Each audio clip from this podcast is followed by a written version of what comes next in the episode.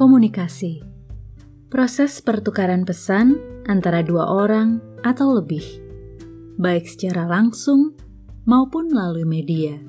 Saat seseorang menyampaikan pesan atau informasi, diharapkan pihak lainnya memberi tanggapan bahwasanya pesan telah diterima dan kemudian dipahami atau dilaksanakan menurut kesepakatan. Gak selamanya orang berkomunikasi bisa diterima dengan baik, entah karena cara menyampaikannya kurang tepat, sehingga membuat salah paham, atau penerimanya salah tangkap karena berasumsi sendiri, atau bisa juga karena nggak nyampe daya pikirnya. Ada banyak faktor. Belum lagi bila informasinya tidak secara langsung. Bisa menimbulkan tambahan faktor salah persepsi lagi. Gak bisa dipungkiri, komunikasi itu sebuah skill.